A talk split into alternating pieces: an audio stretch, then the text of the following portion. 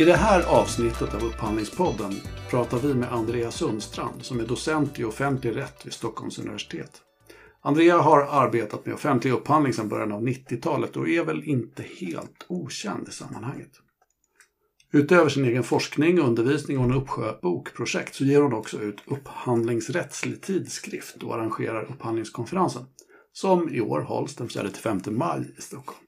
Vi pratar lite om akademin, vad en docent är och lite om utbildningar i ämnet offentlig upphandling. Vi pratar om hur upphandlingsregelverken vuxit fram och om några intressanta saker som har hänt längs vägen. Vad hände egentligen den 1 januari 1994 och varför var tio dagarsfristen och avtalsspärren så avgörande? Hon berättar för oss lite mer om hur offentlig upphandling ser ut internationellt, vad som händer med upphandlingsutbytet med Storbritannien efter Brexit och varför vi måste acceptera anbud från länder utanför EU.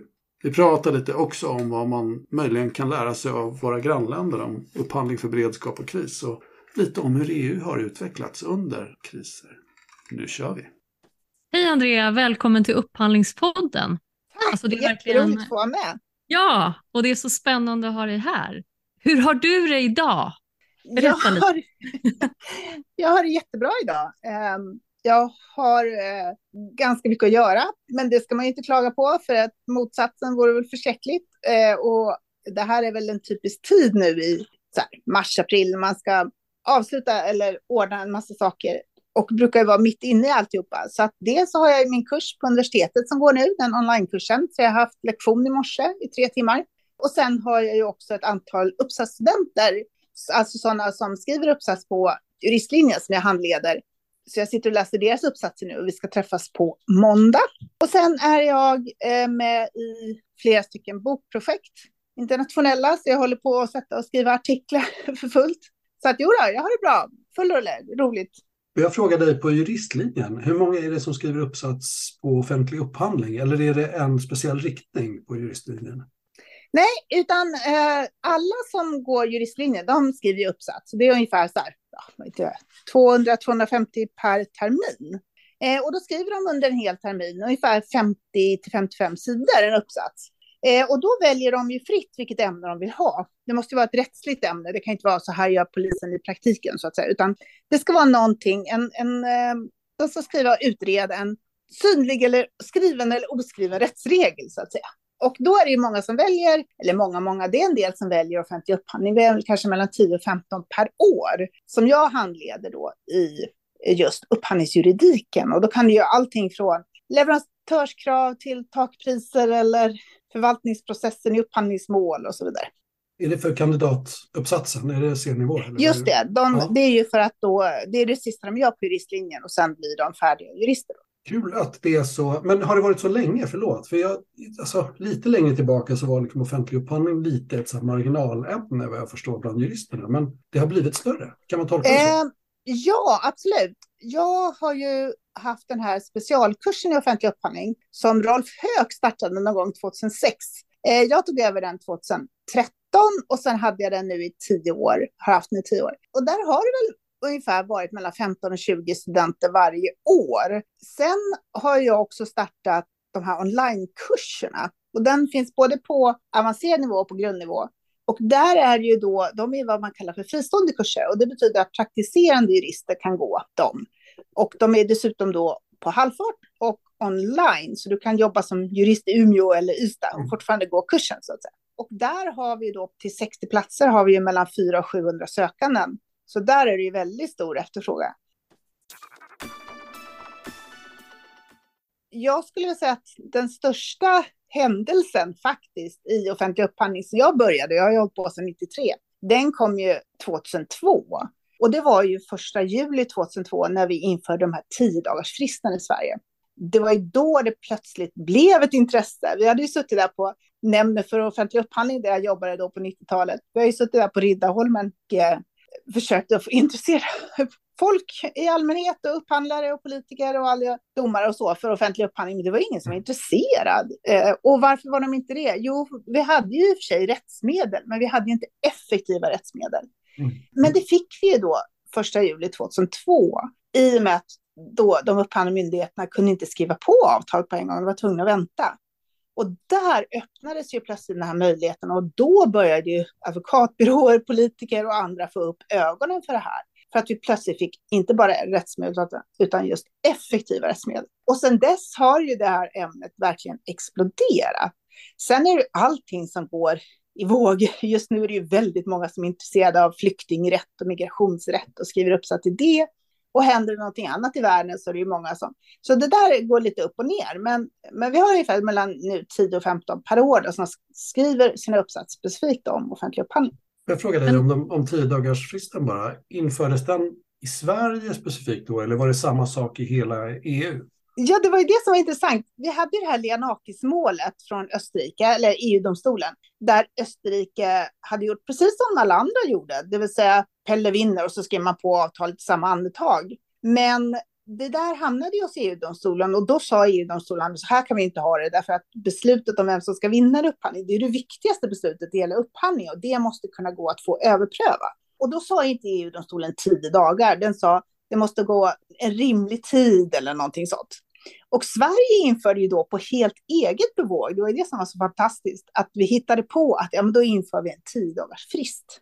Efter att vi hade gjort det så var det fortfarande många EU-domstols, eller förlåt, EU-länder som helt struntade i vad EU-domstolen hade sagt, till exempel Spanien som fortsatte med att Pelle vann och så skrev man på.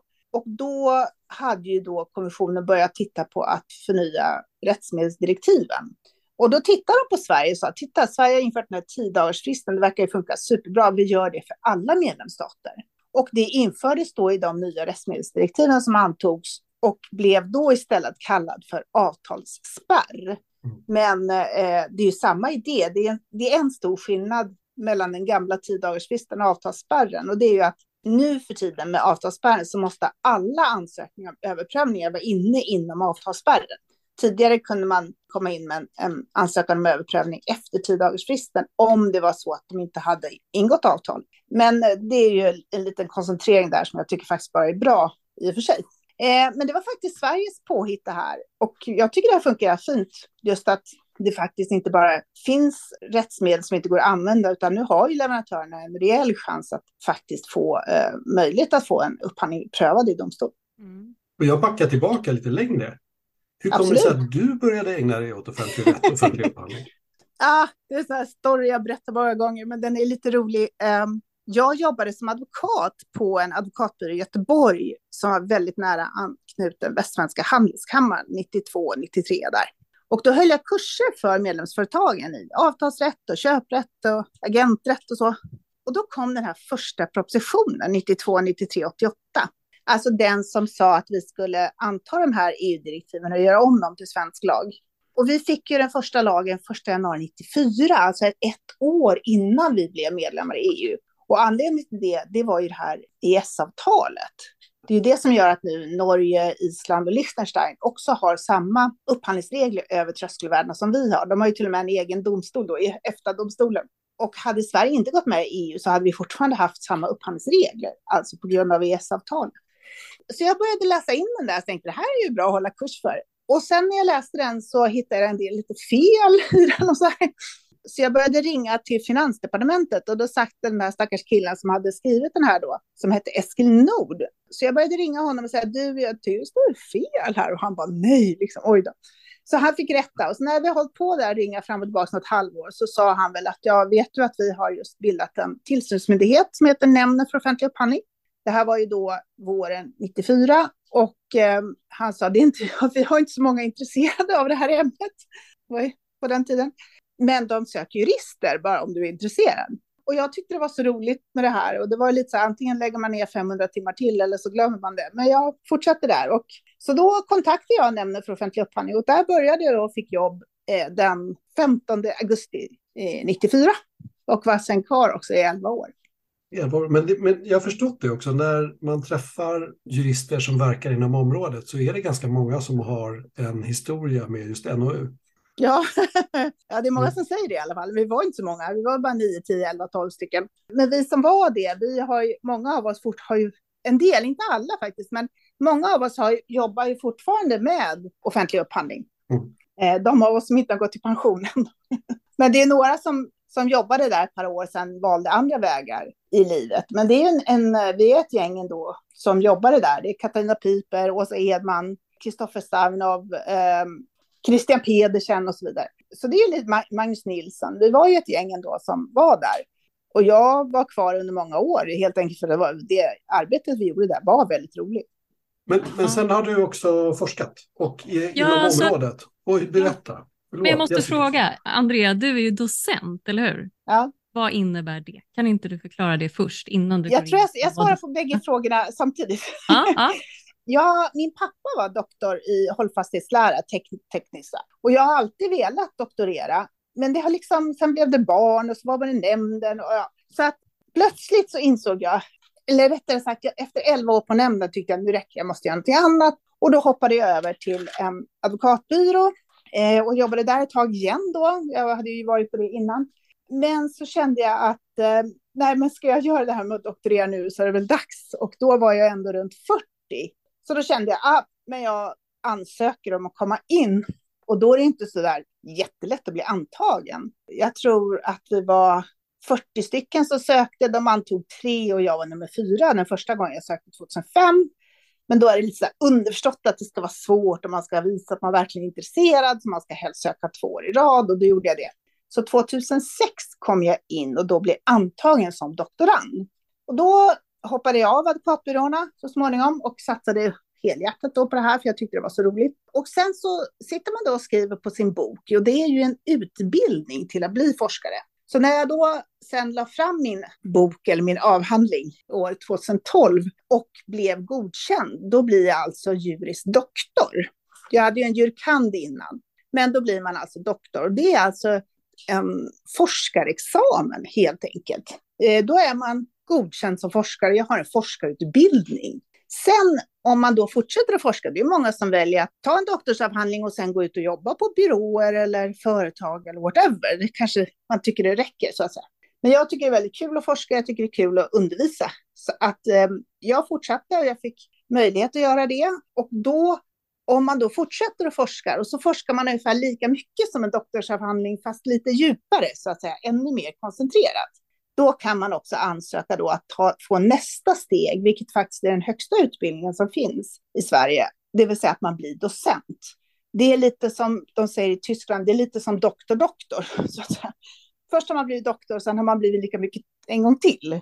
Det är då docent. Och det är som sagt är, man kan inte ha en högre akademisk utbildning.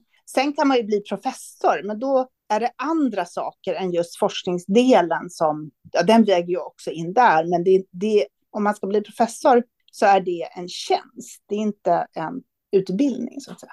Jag är ju lektor nu, det är ju steget under professor då. Men det är alltså min tjänst, det är det jag har på universitetet. Men hur lång tid tar det sen då? Från att man först blir doktor till docent? Och tar det lika lång tid de två delarna? Normalt inte, därför att du behöver inte skriva lika mycket text, utan den texten du skriver är ju på en högre nivå, för då har ju du din utbildning redan. Så för mig tog det väl två och ett halvt år ungefär innan jag blev docent. Vissa blir aldrig docent, men det är också att man väljer att man kanske går vidare och gör någonting annat, eller man tycker det är för roligt att undervisa, så det blir inte så mycket forskning. Ja. Och just eh, offentlig upphandling, vad är det du har doktorerat på och sen blivit docent inom? Alltså vad, vilket område inom offentlig upphandling är det du har forskat på? Det där är också en helt egen värld, därför inom akademin just nu så är inte offentlig upphandling ett ämne i sig, utan det tillhör offentlig rätt, åtminstone i Stockholms, eh, vid Stockholms universitet. Vid andra universitet så kanske man har lagt in det under EU-rätt istället. Det är lite olika. Men i Stockholm så ligger det under offentlig rätt. Så jag har alltså min doktorsexamen är i offentlig rätt, även om den handlade om offentlig upphandling. Precis som jag hade skrivit om barnrätt så hade det också varit om offentlig rätt. Men eftersom jag hade jobbat så länge med offentlig upphandling när jag började forska så kände jag att jag vill inte skriva om någonting som jag kan. Ska jag lägga ner fyra, fem år på, på att bevisa att jag har rätt? Det blir inget bra. Så jag valde faktiskt att forska på någonting som jag inte hade en aning om. Mm. Helt objektivt, vilket naturligtvis är det allra bästa. Och då tittade jag på någonting som jag aldrig hade tittat på tidigare. Och det var alltså den offentliga upphandlingen som inte omfattades av upphandlingsdirektiven, men som omfattades av EUs primärrätt, det vill säga fördragen och de grundläggande rättsprinciperna. Och på den tiden, eh, då var det upphandling under tröskelvärdena med ett bestämt gränsöverskridande intresse. Och det var B-tjänster och det var koncessioner. Så att jag hade lite flax där, lite tur. För min avhandling blev klar 2012, precis innan de här nya direktiven om eh, koncessioner blev antagna. Eftersom jag hade just forskat då på koncessioner bland annat. Är det ändå användbart idag? Ja, det är det ja. som är så intressant. Därför vad jag, vad jag skrev, alltså om man tittar på upphandlingar som faller utanför direktiven så omfattas ju de av de grundläggande rättsprinciperna. Och då är frågan, vad betyder principen, öppenhetsprincipen till exempel? Och det här är ju det någonting jag tittade på. Och det här är ju högaktuellt idag, vilket är lite lustigt, med tanke på att man har tagit bort många bestämmelser om upphandlingar under tröskelvärdena och mm. sagt att vi har bara principerna. Och då frågar man sig, ja, men vad betyder då principerna? Ja, då kan man gå och läsa min avhandling. ja, det står det där. Och, och, den kan vi hitta rätt på nu. Den är, den är publicerad så att den går att läsa också? Istället så ja, ja, den är publicerad. Den är utgiven av Djure. Ja, ja, ja. Men sen så läste, jag vet inte om det var Jessica som nämnde det, eller om jag läste det någonstans. Jag tror att det var du Jessica som nämnde det, att du hade också skrivit om arbetsvillkor i offentlig upphandling. Ja, jag har för närvarande ett, ett, ett eh, samarbetsprojekt med 16 läkare på Karolinska institutet, på KI, där vi tittar på arbetsmiljö. Och det här är ett stort projekt som finansieras av Forte, som nu är på sista året, det sjunde året har vi hållit på med det här. Och min, jag har bara en liten del av det här, men jag tittar då på möjligheterna att ställa arbetsrättsliga, arbetsmiljörättsliga förlåt, krav i offentlig upphandling. Och det tänker jag inte berätta resultatet om, för det kommer ju slutet på året. Men det är någonting jag tittar på nu. Jag håller också tittat på det här med, med andra saker. Jag tycker det här med it-upphandlingar är intressant. Inte hur det går till i praktiken, utan hur det regleras i lagstiftningen. Eh, jag håller också tittat på det här med hamburgerundantaget som jag håller på att skriva en artikel om, som jag tycker också är spännande. Och sen är jag väl inne lite och tassar på det här med försvars och säkerhetsupphandlingar och artikel 346. Det har jag också skrivit en del artiklar om. Mest utländska artiklar då. Sen är det också så att ni vet att jag ger ut en upphandlingsrättslig tidskrift kanske. Ja, ja just. Jag prenumererar. Mm. Ja, okej, okay, bra. Jag har ju hållit på med den sedan 2014 och det är ju lika roligt varje gång. Jag, varje gång jag skickar iväg ett nummer till tryck så drar jag lättnadens suck eh, att den faktiskt har överlevt ett nummer till. Det är ju lite av en kamp att få ihop artiklar och jag måste säga att jag är ganska fascinerad själv att jag lyckas varje gång. Men det gör jag och, och eh, jag är så glad och tacksam att folk ställer upp och skriver. För det är ju det är ett jättejobb att skriva en artikel, även om det bara är 10-15 sidor, när man har ett heltidsjobb redan. Och vi är ju inte så många i Sverige som forskar om offentlig upphandling, så vi har ju en hel del utländska forskare som skriver också. Men då, det blir ju också då att när man hjälper någon med en artikel så läser man ju den och då blir man också nyfiken och, och så. Och, ja, det är jättekul med den tidskriften i alla fall. Jag tänkte på det här du sa om IT-upphandlingar, att du har forskat på det och regelverket kring det där. Vi har haft några avsnitt om IT-upphandlingar i Upphandlingspodden här tidigare. Och då kanske det kan bli lite kompletterande kring det, tänker jag. Vad, vad har du fått fram kring just det? Vad, vad säger din forskning om det? Eh, jag håller på att skriva två artiklar om det i två hemliga böcker som jag heller inte kan prata om. Det låter ju jättetråkigt, men tyvärr är det så nu för tiden, så fort jag lämnar, öppnar en idé så är det någon annan som tar den. Så att man får hålla det hemligt tills det är publicerat, helt enkelt. Så att eh, jag håller på att titta på det, men om du frågar mig i augusti så kan jag svara. Men vi kan ställa frågan så här då, är det någonting som vi kommer att kunna använda, vi som är praktiker? Jag och Jessica är ingenjörer båda två och sitter ju som praktiker ute i organisationer. Har vi nytta av det eller är det mer av en teoretisk fördjupning utifrån artikeln? Eh, ja, det är väl någonting mittemellan. Eh, syftet med min verksamhet, tyvärr, även om jag önskar att det skulle vara så, är ju inte att hjälpa er praktiker det är inte det som är det med min forskning. Det är säkert, finns jättemånga ekonomer där ute som är ute och forskar. Hur går en upphandling till i praktiken? Liksom, och hur kan man göra den på bästa sätt? Och hur ställer man kraven för att få den effekt? Det är inte det jag tittar på.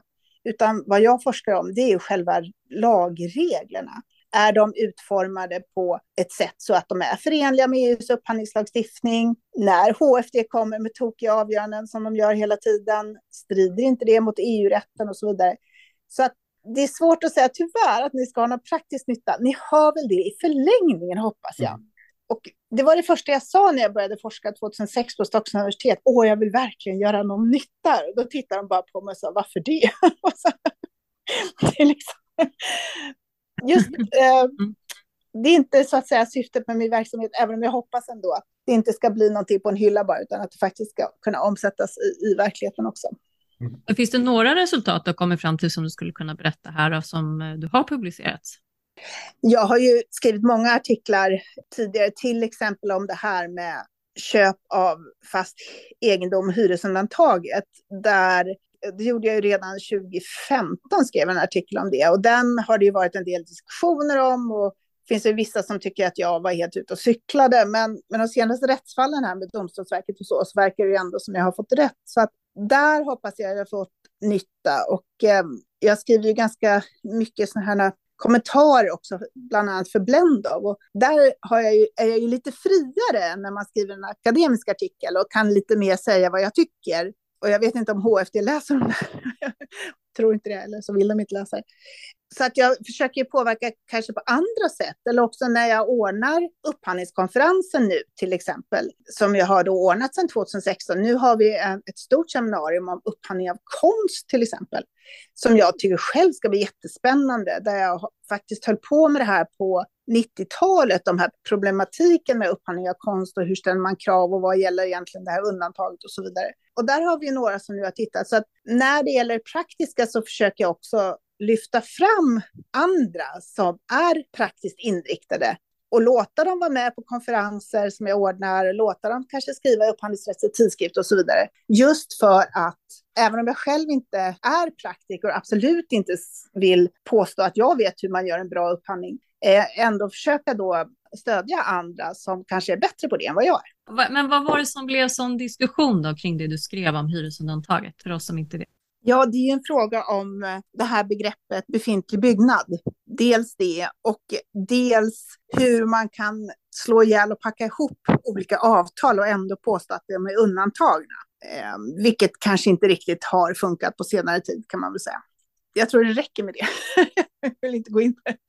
Nej, men det räcker alldeles utmärkt. Vi, vi har också pratat med, eh, vi hade ett längre samtal med Adda ju, som, som har en del vana i det och eh, SKR som okay. har skrivit en del praktiska vägledningar där ja. också. Mm, över åren där, vi kanske, där man kanske har kommit fram till lite olika saker. Mm. Så att, eh, nej, men det, det, det, var jätteintressant. Men konstspåret såg vi på programmet att det skulle komma nu här och det har ju jag jobbar i Stockholms stad och där har vi ju träffat på det och det finns väl ett par kammarrättsdomar. Jag vet inte om det har varit hela vägen upp i HFD någonting också. Om Nej. Försörjningen kring konst och hur man jobbar med offentlig ja. konstutsmyckning i, i ny ja. produktion. Och, och redan, jag var ju lite inblandad redan det första rättsfallet som var, det var 96. Jag tror kammarrätten då i Stockholm, om jag tror, jag kommer inte ihåg, det var ju så länge sedan, men säg att det var Uppsala någon som hade köpt någon utsmyckning av något stadshus eller någonting och, på, och gjort det direkt för de använde konstundantaget. Men kammarrätten redan då kom fram till att ja, men det är nog inte så det är meningen att det ska användas, att man kan bara köpa konst hur som helst rakt upp och ner och gå direkt utan konkurrensutsättning. Och så det har ju varit något av en följetong och jag eh, tycker det är jätteroligt nu att det finns de som då har engagerat sig och verkligen grävt djupt på ett sätt som jag kanske borde ha, men inte har hunnit helt enkelt. Och då är det jätteroligt att någon annan gör det och verkligen hjälper till att reda ut vad gäller mm. vid upphandling av konst. Ja, eftersom det kanske är två världar som associationsmässigt eller idémässigt anses ligga ganska långt ifrån varandra så är ju jätte... Jag tycker också det. Att det ja, och jag, jag tror man... Vad de lyfter fram nu som kommer på upphandlingskonferensen, vilket är jätteroligt, det är ju det här att bland annat att man ofta glömmer bort att dels det här att um, är det 1 procent av, all, av kostnaden vid offentliga byggentreprenader ska gå till konstutsmyckning. Så det är ganska stora pengar. Samtidigt som det är så att många av de här konstnärerna som är med och lämnar anbud, de är små egenföretagare. Och där ställer man krav på dem att det ska hålla i tio år. Att det är helt orealistiska krav. Så jag tror det är oerhört viktigt att man lyfter fram och tittar på de frågorna för att det ska funka helt enkelt. För alla, även för leverantörerna. Mm. Nej, ja, absolut så är det. Ja, nej, men det, så det är ett, ett spännande område. Men, eh, för du är på Stockholms universitet och du har också forskat och, och har din docentur där, va? Är det inte så? Precis. Men sen undervisar jag ju också. Jag undervisar vid George Washington-universitetet i Washington på deras kurser och jag undervisar vid Kings College i, eh, i London, det universitetet också, på deras upphandlingsmaster där. Och jag brukar undervisa i, i eh, Eh, jag har undervisat även i Turin och i Tallinn och lite i Sydafrika och lite överallt. Så att jag är väldigt inblandad mer och mer faktiskt i internationella nätverk där vi samarbetar. Jag ska undervisa nu nästa vecka online vid George Washington-universitetet där jag då berättar för de amerikanska studenterna om, om europeisk offentlig upphandling och vi jämför hur det funkar där och hur det funkar för oss. Vilket är superintressant, för det börjar alltid med att ja, här i EU så, så är syftet att ta bort hinder för den fria mm. rörligheten. Och tittar på mig som inte jag är klok och så säger de ja, vi har ju America by first liksom. Ja. Men vid slutet av diskussionerna så hamnar vi hela tiden ändå i att det är inte så mycket som skiljer ändå. Det är att man ska behandla alla lika, man ska ställa vettiga krav, man måste berätta för alla vad som gäller. Så i grunden så är det inte så stor skillnad. Men det tar ett tag innan man kommer dit och just när man då försöker förklara vad syftet med EUs upphandlingsregler så brukar det bli, de brukar bli lite förvånade kan man väl säga, de studenterna. Mm. Men det är jätteroligt att eh, vara med i eh, just eh, lite mer internationella sammanhang också naturligtvis eftersom jag inte har så många att diskutera med här i Sverige. Det är inte, vi är inte så många som har disputerat. Nej, det var på just upphandlingsrätt. Nej, det var min fundering. Bedrivs det någon forskning på andra institutioner i Sverige som berör området? Ja, eh, det gör väl det, kanske lite grann, men på olika. Men tyvärr så är det så att de flesta av dem är inte särskilt pigga på att samarbeta. Ja. Jag undervisar ju till exempel i Uppsala, på de har ju också en kurs i offentlig upphandling och där är jag med mycket med Olle Lundin som är professor där och undervisar. Men han forskar ju mer på kommunalrätt, inte på offentlig upphandling. Och övriga universitet, det, alltså det gäller inte bara ämnet offentlig upphandling tyvärr, utan det gäller generellt att det är inte så mycket samarbete mellan universiteten i Sverige, även om man håller på på samma ämne. Och då är det faktiskt lättare att samarbeta med universitet i, i Paris eller Turin eller Washington. De är mm. mer intresserade av att samarbeta kan man säga. Men, men jag måste fråga, för en sak som du nämner om man går utanför Europa är ju förstås syftet med, med regleringar. Men, men i övrigt, så här, liknar de varandra? Om vi pratar rättsprinciper och så, är, är det liksom samma, finns det samma idé runt transparens eller försörjning av offentliga institutioner? Alltså, alltså, ja, det är precis samma. Det är precis samma oavsett om du går till Sydafrika där jag varit och, och, undervisat en del eller om du går till Australien så är det ju dessutom så att vi har det här Government Procurement Agreement, GPA, mm. där vi har 38 stater, bland annat Kanada, USA, Sydafrika, Australien har gått med nu, alla EU-stater. Vi har ju förbundit oss att följa de här GPA-reglerna. De är ju tack och lov helt inarbetade i lagen om offentlig upphandling, så vi behöver inte tänka på dem specifikt. Men det gör ju att bara det gör ju att vi har ju då förbundit oss till exempel att eh, behandla amerikanska eh, företag på samma sätt som svenska när de kommer till Sverige och att svenska företag då ska få samma chans i, i USA. Och de här internationella överenskommelserna eller avtalen, de innehåller ju samma grundläggande idéer. Man behandlar alla lika, man berättar för alla vad som gäller, man ställer inga oproportionerliga krav ja, och så vidare. Alltså jag skulle vilja veta lite hur, eh, när man pratar EU-direktiv och lagen om offentlig upphandling, hur har man gjort för att, alltså EU-direktiven, är de direkt applicerbara eller är det, varför krävs det en lag om offentlig upphandling däremellan? Jag skrev faktiskt, när jag läste i Uppsala så skrev jag min uppsats när jag skulle bli jurist om EUs konkurrensregler i förhållande till luftfartspolitiken. Och redan på den tiden tyckte jag det var så fascinerande att de hade byggt upp en hel, ett helt regelverk om, som en egen stat från absolut ingenting i EU. Så att jag har varit inne på EU ganska länge då. Det där var ju 88 då. Och vad de gjorde då bland annat, det beslutade att de ska anta två olika typer, huvudsakliga typer av rättsordning, rättsakter. Det ena är vad man kallar en förordning, en EU-förordning. Den är direkt tillämplig. Så det som står i den, den, den gäller direkt medlemsstaterna så fort den är antagen eller så fort den har trätt i kraft. Men sen beslutade man även att man skulle ha EU-direktiv. Och EU-direktiven, där måste alltså medlemsstaterna skriva om dem till nationell lagstiftning. Och de här EU-direktiven kan vara massa olika. De kan innehålla tvingande bestämmelser. De kan innehålla frivilliga bestämmelser och de kan innehålla någon slags minimibestämmelser. Typ så. de upphandlingsdirektiv vi har är en ganska stor blandning, men till större delen är de tvingande. Ta ett exempel. Jag var med och förhandlade de här direktiven när vi skulle anta regler om ramavtal.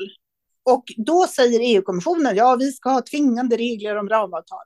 Och då ställer sig Tyskland upp och säger, nej, men det kan inte vi gå med på, för i Tyskland är det förbjudet att ha ramavtal där det gäller byggentreprenader. Jaha, säger kommissionen helt förvirrad, gud, vad gör vi nu då? Ja, då bestämmer vi istället att det ska vara frivilligt att införa de här bestämmelserna om ramavtal. Men om man inför dem, då måste de se ut så som de gör i direktiven. Så det hela upphandlingsdirektiven och även andra direktiv är ofta en blandning av tvingande krav, frivilliga krav och någon slags blandning. De tvingande kraven, där vi till exempel i Sverige har missat vid den senaste, bara för att ta ett exempel, vid det senaste genomförandet, den senaste direktiven, det var ju det här att när det gäller de obligatoriska och frivilliga uteslutningsgrunderna så finns det till skydd för leverantörerna en tidsfrist. I, när det gäller de obligatoriska så oavsett om man har gjort sig skyldig till slavhandel i sin verksamhet, mm. efter fem år går det inte att utesluta den längre. När det gäller de frivilliga så är motsvarande då tidsfrist tre år. Det här är tvingande regler och ändå så införde vi inte dem i Sverige. Jättekonstigt. Mm. Naturligtvis kommer kommissionen då säga, men vad, vad, är det här för dumheter? Varför har ni inte gjort det här? Ja, då fick vi ju rätta till dem. Så att första juli förra året väl, om är inte ute och cyklar, så infördes de här tidsfristerna även i Sverige. Men vi var alltså skyldiga att införa dem och åkte fast då i EU-domstolen för att vi inte hade gjort det. Det är ju ett brott mot vårt medlemskap där vi har medlemskapsavtal där vi har förbundit oss att följa direktiven. Så där fick vi inte välja och eh, klantade vi oss då så kommer EU-kommissionen och säger till oss och så får vi rätta in oss i ledet så att säga. Under den tiden innan vi rättade in oss i ledet hade då en leverantör, till exempel, då, bara för att ta ett drastiskt exempel, varit dömd med en lagakraftvunnen dom för slavhandel i sin verksamhet och det hade gått sex år och den blev utesluten, då hade den alltså kunnat åberopa de här bestämmelserna i direktiven. Därför att våra mm. nationella leverantörer ska inte lida för att Sverige har klantat sig och inte infört de här bestämmelserna i tid. Det är vad man kallar för direkt effekt. Men då gäller det att det är en tvingande regel till förmån för en enskild för att den ska kunna göra det. Och då ska den anbudsgivaren veta om det. Eller ha en väldigt duktig advokat. Ja, precis. ja. Vad mm. tänkte jag, för då pratar vi lite om EU, lite om, om vad som reglerar. Vad händer, du nämnde ju London. Vad händer med Storbritannien nu efter Brexit? Ja, men de eh, gjorde en intressant eh, lösning på det hela. Det är ju nämligen så att säg att det kommer ett företag från månen och lämnar anbud här i Sverige. Kan då svenska upphandlande myndigheter säga nej, tyvärr, vi är inte intresserade av företag från månen för vi vet ingenting om er. Eller är vi bundna av någonting? Och då är det så att EUs regler gäller ju bara mellan EUs medlemsstater. Men sen finns det ju också sådana här, vad vi kallar tredjelandsavtal, till exempel det här GPA-avtalet. Förutom det har vi också en massa bilaterala avtal. Vi, EU har till exempel ett avtal med Kanada som heter CETA från 2018 tror jag, som bland annat innefattar offentlig upphandling och vi ska vara snälla mot kanadensiska företag och tvärtom. Men sen finns ju alla andra länder, nu bara hittar jag på, säg Bogotá eller, eller ett företag på månen, där de är inte med i GPA, EU har inget avtal med dem, Sverige har inget avtal med dem och så kommer de hit till Sverige och lämnar anbud. Vad är det då som gäller? Då är det så att då bestämmer alla 27 medlemsstater själva hur de ska reagera på detta företag. Och i Sverige så bestämde vi redan i allra första propositionen att det har ingen betydelse om du kommer från månen. Kommer du hit och lämnar anbud i en svensk upphandling så har du rätt att bli behandlad precis som alla andra leverantörer och du får dessutom tillgång till våra rättsmedel. Men det kanske inte alls är så i Frankrike eller Tyskland eller i Holland. De kanske har helt andra bestämmelser om det här. Så vad Storbritannien riskerade när de gick ur EU och inte hade, om de inte hade haft, fått till något avtal, det var ju att de var tvungna att förhålla sig till alla 27 medlemsstater. Så om ett brittiskt företag skulle lämna anbud i Portugal eller Grekland så kunde det vara helt olika regler som gäller. Det var en hopplös situation för engelska företag. Så hur löste de det där? Ja, då var ju först någon som föreslog att de kunde ju bli ett EFTA-land som Norge och Island och Luxemburg. Men det hade ju varit politiskt självmord, för då hade ju plötsligt Storbritannien varit tvungna att anta de här upphandlingsreglerna som var en av skälen att de inte ville vara med. det hade ju inte varit något bra. Så vad de gjorde för att lösa det här, det var att de gick med i GPA, Government Procurement Agreement, som en egen stat. Och där har vi ju regler som de är tvungna att följa, men å andra sidan så fick de då tillgång till alla de här 36 eller 37 staterna, bland annat alla EUs medlemsstater då, som var tvungna eller skyldiga då att behandla dem på ett bra sätt. Och å andra sidan var de ju tvungna att öppna upp den brittiska marknaden då för de här och behandla dem lika. Så det var så de löste det till slut eh, för att rädda Storbritanniens eh, brittiska företag så att de fortfarande kunde lämna anbud i EU. En sak som jag skulle kunna läsa på helt säkert, men som jag tar tillfället i akt och frågar dig om, om, om eh, stater som är anslutna till GPA. Hur är det med Indien och Kina? Indien är jag inte riktigt säker på om de är faktiskt. Det står väl på deras hemsida. Kina vet jag att de inte är anslutna. Där har däremot i 15 år har de som står bakom GPA då, vilket är World Trade Organization, WTO, de har försökt att få med Kina, men det har fortfarande inte lyckats. Så Kina är inte med. Indien är jag lite mer osäker. Jag tror inte det, men jag kan ha fel, så jag vågar inte säga säkert. Nej, bara, ibland får vi propåer, i alla fall i större skala, eller i större upphandlingar ska jag säga, någonting som liknar ett anbud eller en intresseanmälan eller direkta propåer där man vill ha ut information om enskilda upphandlingar just från Indien och Kina. Och då tänker okay. jag, hur, hur, långt är man tvungen att, att ta det i beaktande om det är formellt riktigt? Liksom? Ja, alltså vi har ju i Sverige bestämt att det har, inte betyd, har ingen betydelse var det kommer ifrån. Oavsett om det kommer från månen, Kina eller Bogotá så har du rätt att vara med i svenska upphandlingar och du har rätt att bli behandlad på samma sätt som svenska företag och få tillgång till svenska rättsmedel. Men sen har ju nu EU, vilket Sverige har protesterat mot, börjat införa olika restriktioner när det gäller så kallat tredje land, till exempel Kina då, där man vill ja, jag ska inte säga försvåra, men eh, göra det inte lika lätt längre för dem att vara med och lämna anbud på olika sätt. Till exempel om det visar sig att de har fått eh, överdrivet mycket statsstöd så att de på det sättet kan konkurrera ut europeiska företag och så vidare. och Så vidare. Så att EU har ju börjat dra öronen åt sig. Och även om Sverige då har varit emot det, vi är vikingar, vi gillar frihandel och så vidare, så är vi med i EU så vi är tvungna att acceptera de här nya begränsningarna helt enkelt. Men vi tycker alltså egentligen att vi ska kunna förhandla med alla, att alla ska kunna lämna anbud och vara delaktiga. Men eh, EU går in och begränsar då i så fall om det skulle vara någonting. Så alla de här GPA-avtalen och så, det är ingenting som vi behöver fundera så mycket över hos oss. Jag vill ju inte säga vad den, om vi säger med vi är vad den svenska regeringen tycker, så vill jag ju inte naturligtvis föra talan. Jag vet bara att från början kan jag väl säga, räcker med det här, och eh, så ville vi inte ha några begränsningar. Och jag vet under hand att åtminstone fram till förra året, sen vet jag inte riktigt vad som gäller nu, men åtminstone fram till förra året så var inte Sverige särskilt mycket för att vi skulle införa en massa konstiga begränsningar på företag från tredje land, utan vi tyckte att alla skulle få konkurrera på lika villkor. Eh, exakt vad den svenska regeringen tycker nu, det vet jag faktiskt inte. Jag har en känsla av att de har ganska mycket annat för sig just nu, så de kanske inte ens har hunnit börja titta på det här. Skiljer det sig mycket åt fortfarande med tillämpning mellan staterna eller har, man, har du sett att det har liksom börjat harmoniseras?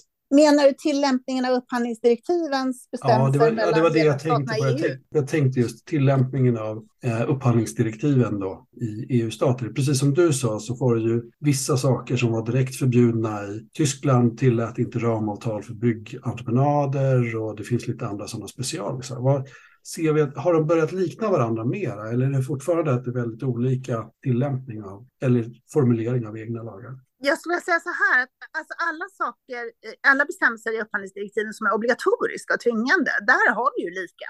Sen finns det ju en hel del där vi får välja och då har ju medlemsstaterna alla 27 valt olika.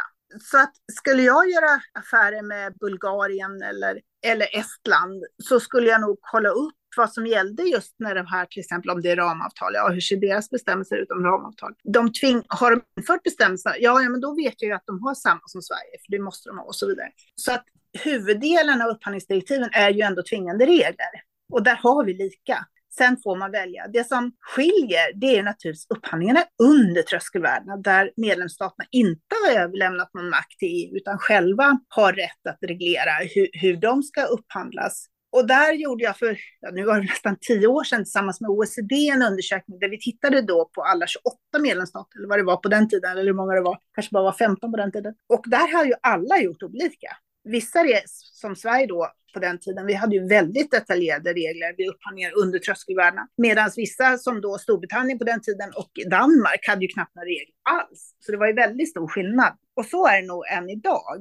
Och det är ju ändå 60-65 procent av all upphandling som är under tröskelvärdena. Så det är ju där den stora skillnaden är, mycket, mycket mer än när det gäller vid upphandlingar över. Vilka av de frivilliga reglerna från EU-direktiven har Sverige valt att anamma eller inte anamma? Alltså Sverige är ju lite lata skulle jag vilja säga. Vi har ju antagit alla regler i princip. Jag kan inte veta, ja, jag ska inte ens gå in på vilka regler vi inte an, för jag blir lite upprörd över då. Men nu har vi åtminstone, idag har vi i princip antagit alla bestämmelser. Så att oavsett om de är frivilliga eller inte frivilliga så har vi valt att, att ändå bara ta dem det blir ju väldigt stor diskussion, politisk diskussion så fort man funderar på att in, anta eller inte anta vissa regler i upphandlingsdirektiven. För det, är ett väldigt, det har blivit, vilket det inte var före första januari, först, före första juli 2012, nej förlåt 2022. Innan dess var inte offentlig upphandling ett särskilt politiskt område, men det har det ju blivit mer och mer sedan dess i och med de här rättsmedlen då. Och det gör ju att ska man då börja välja vilka bestämmelser i upphandlingsdirektiven som ska genomföras så har väl alla partier åsikt om det. Så att jag tror de bara tog den mest pragmatiska lösningen och så tog man bara alla bestämmelser helt enkelt. Utom just det där med preskriptionstiden.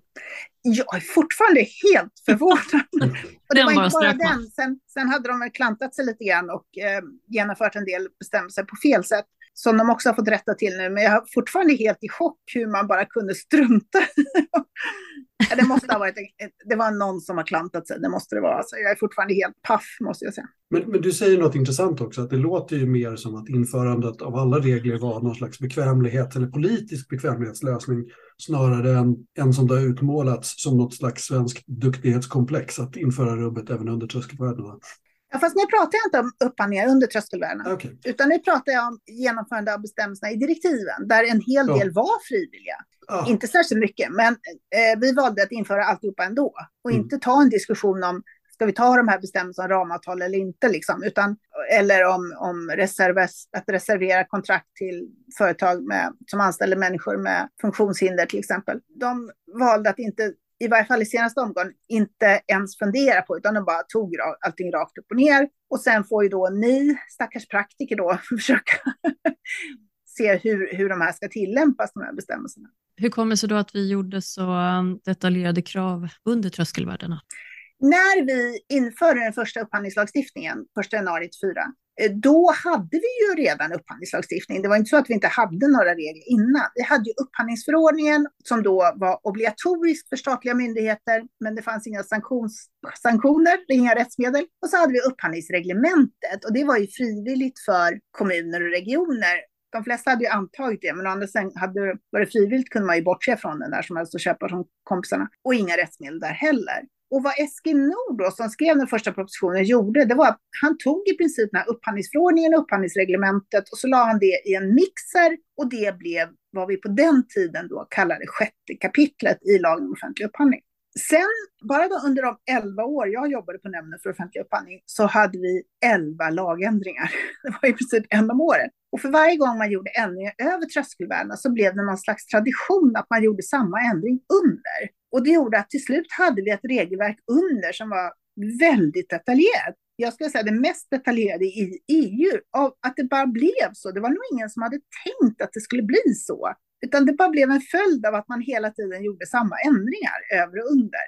Och det blev ju då ända till både upphandlande myndigheter och leverantörer, här känsla av, började protestera. Så, men varför ska vi ha så detaljerade regler under?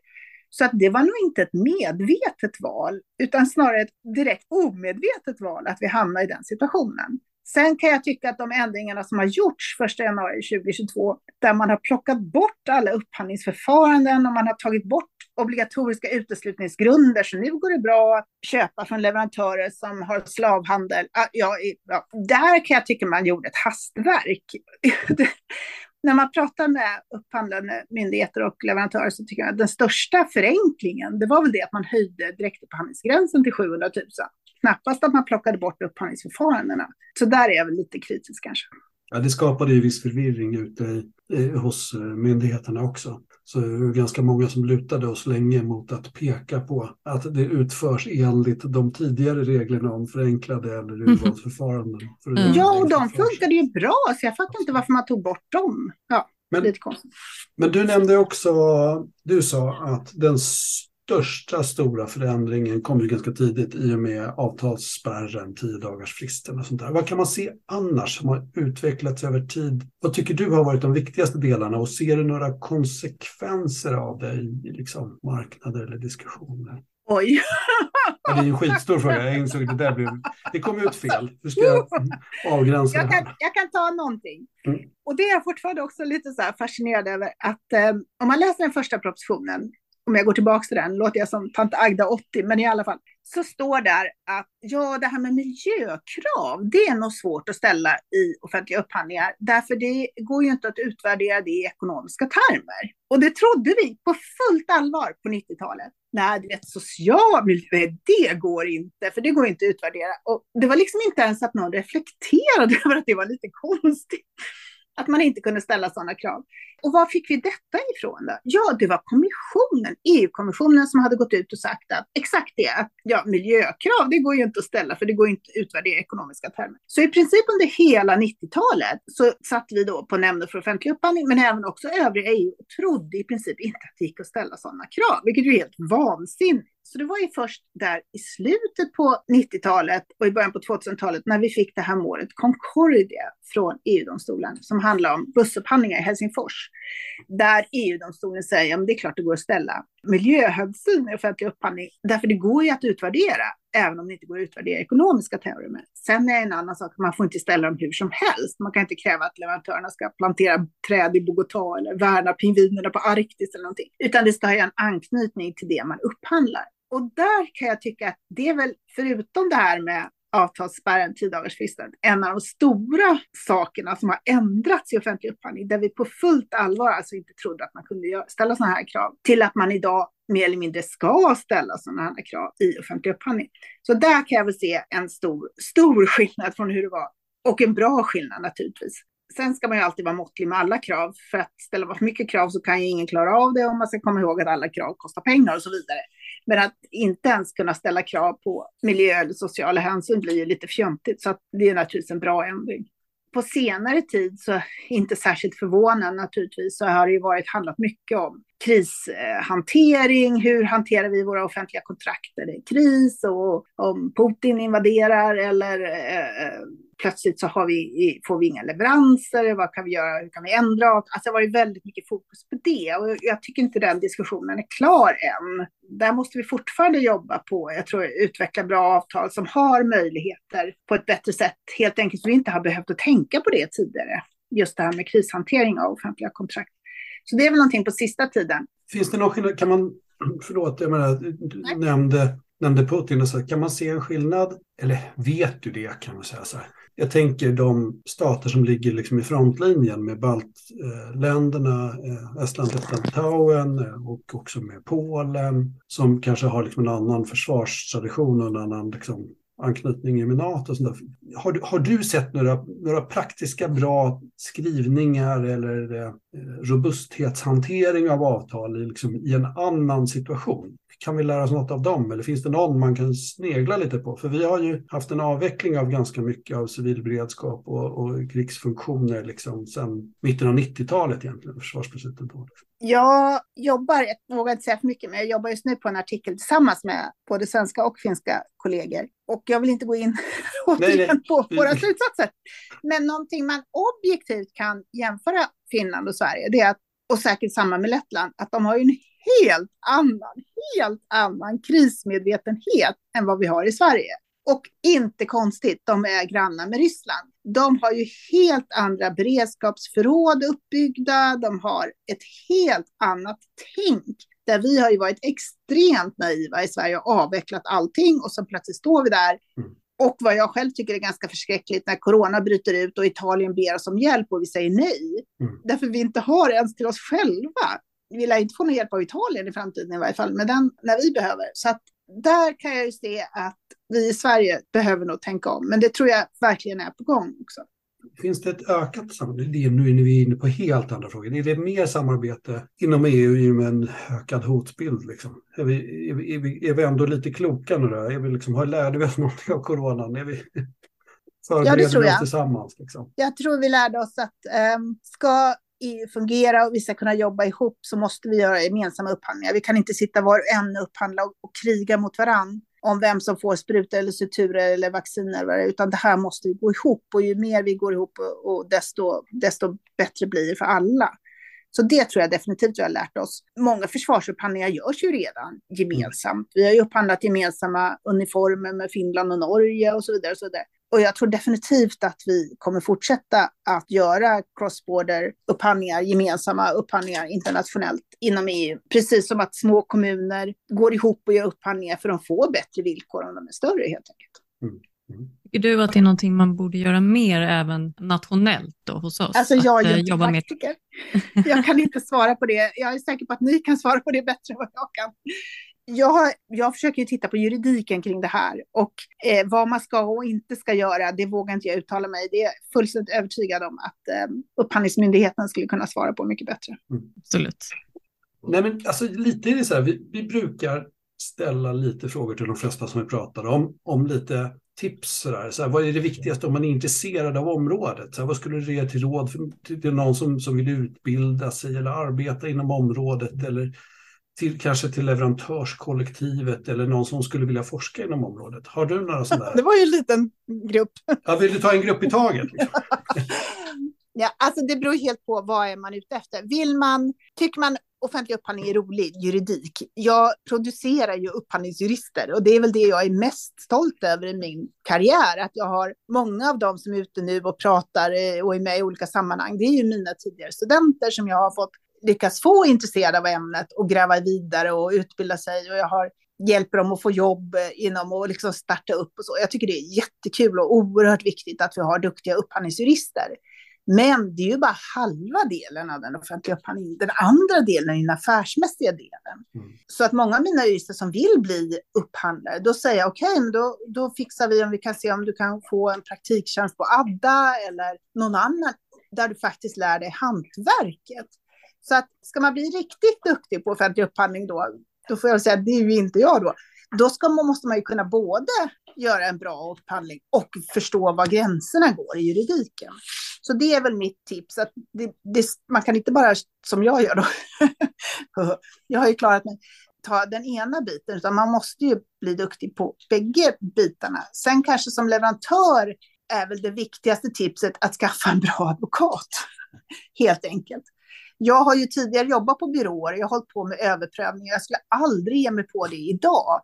Därför att det är så mycket i den här processen och HFD hittar på nya grejer hela tiden som man måste liksom jobba med hela tiden för att bli duktig på. Så där skulle jag definitivt råda att visst, läs en Konkurrensverkets informationsbroschyr om offentlig upphandling och sätt in det lite i reglerna. Men hamnar du i en process, då måste du ta experthjälp, för det är så pass komplicerat nu för tiden. Och inte ens jag som jobbar med det på heltid skulle driva en process, för det är en helt annan sak. Eh, vill man forska så skulle jag väl säga att nu för tiden är det nästan lättare att och i så fall forska utomlands. Till exempel i Italien så har de ju mycket mer generösa regler för till exempel eh, stipendier och så vidare när det gäller forskning som jag gärna hjälper till att vidareförmedla där de har uppmanat mig att har du någon som är intresserad, be dem höra av sig till oss. I Stockholm så är det ju krig om doktorander hela tiden. Vi antar alltså tre, fyra stycken om året och nu vi hundra sökande. Och offentlig upphandling är ju ett jättelitet ämne, så där tar ju skadeståndsrätt rätten och avtalsrätten och processrätten. Alltså det är de som får doktoranderna där. Så det är mycket svårare i Sverige än att faktiskt doktorera utomlands. Och fördelen med att doktorera utomlands är att i Sverige så är ju en doktorsavhandling, den är på fyra och ett halvt år. För vi blir någonting som man kallas för LLD. Medan i utländska, så till och med i Danmark, så är det ju bara tre år, för där blir du PhD. Så du spar dessutom ett och ett halvt år. Så det skulle vara mitt något oseriösa tips. Då. Vill man forska så, så gör inte det i Sverige utan välj hellre då ett utländskt universitet. Dessutom, jag hade ingen aning om att det var olika. Ja, nej, men det är olika. Och dessutom når man ju ut mycket mer, ja det kan man göra även i Sverige, om man skriver på engelska. Jag valde att skriva på svenska därför jag ville, jag ville hjälpa till att öka informationen om offentlig upphandling i Sverige, som på den tiden var ganska obefintlig. Nu är det betydligt bättre. Mm. Om man skulle vilja fördjupa sig i juridiken om man inte är jurist då, med mindre än att man börjar från början. Var, finns det någon form av fördjupningsutbildning du skulle kunna rekommendera? Som jag inte håller själv med. Aha. Ja, men är, den, är de utbildningarna du håller, är de öppna för oss? Jag har den här onlinekursen nu på universitetet och just nu är den på avancerad nivå, vilket betyder att du måste ha 150 poäng juridik. Men ibland så ger vi den också på grundnivå och då räcker det med en gymnasieexamen. Mm.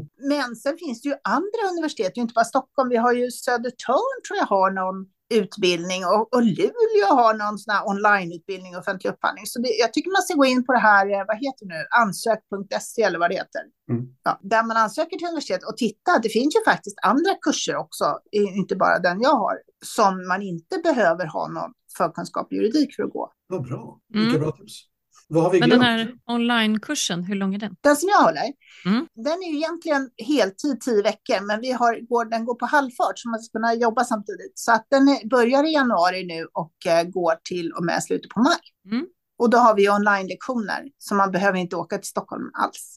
Finns det någonting jätteviktigt som du skulle vilja ta upp som är otroligt relevant på den juridiska sidan av offentlig upphandling som eh, folk kanske inte riktigt vet om? Hur otroligt roligt det är med offentlig upphandling. Det skulle jag säga. Yes. Ja, det är toppen. Och en av anledningarna att det är så roligt, det är ju att det står ju aldrig still. Ibland tänker jag, ah, jag borde ha hållit på med fastighetsrätt. Det enda som har hänt på hundra år är att åh, vi kan bygga hus ovanpå andra hus. händer ju ingenting. Men inom offentlig upphandling händer det saker hela tiden. Så att, men man får ju också då, jag fyller ju 60 år, så att jag behöver den här, eh, alltså jag måste ju hålla mig alert hela tiden och lära mig nya saker, vilket ju är jätteroligt. Så att det är ju väldigt kul med offentlig upphandling. Även upphandlingsjuridiken är rolig. Mm, tack för att du säger det. Vi tycker också att det är kul med offentlig upphandling på den praktiska sidan. jag håller med. Stort tack Andrea för att du kom hit och pratade med oss idag och svarade ja. på våra frågor och berättade mer än vi visste. Ja, jättekul. Ja, men det är så kul. Ja, jätteintressant. Jätteroligt! Så att eh, jag hoppas att vi får, vi ska se, jag ska försöka ta mig iväg till, till konferensen, men jag är lite, lite osäker. Det, det blir väldigt god middag kan jag säga. Bara därför. Jag var ju testa idag då. Ja, men jättekul. Jag hoppas vi får höras igen i något format. Absolut, och kommer ja. du på konferensen så kom och säg hej. Ja, ja lycka till på Brukshundsklubben då, så, ja, så hörs vi vidare. Tack för att du kom. Alltså det jag tyckte var roligast idag, jag måste bara säga det, det var det här mm. med EU-direktiven och alltså hur det funkar kontra vår lag. Det är mm. jätteintressant. Super, jag mm. lärde mig massor. Tack, ha det så bra. Ha det bra. Hej då. Hej då. Tack för att du lyssnat. Finns det saker du skulle vilja höra mer om eller någon du kanske tycker att vi ska intervjua så hör av dig till oss på lyssna.upphandlingspodden.se ett särskilt varmt tack till Erik Stridell på Bybrick som komponerat Upphandlingspoddens jingel.